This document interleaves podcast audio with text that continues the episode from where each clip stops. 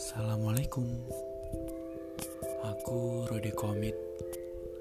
Ya masih belajar-belajar sih. Hmm, Untuk menjadi orang yang lebih baik. Orang yang bermakna dan bermanfaat untuk yang lainnya.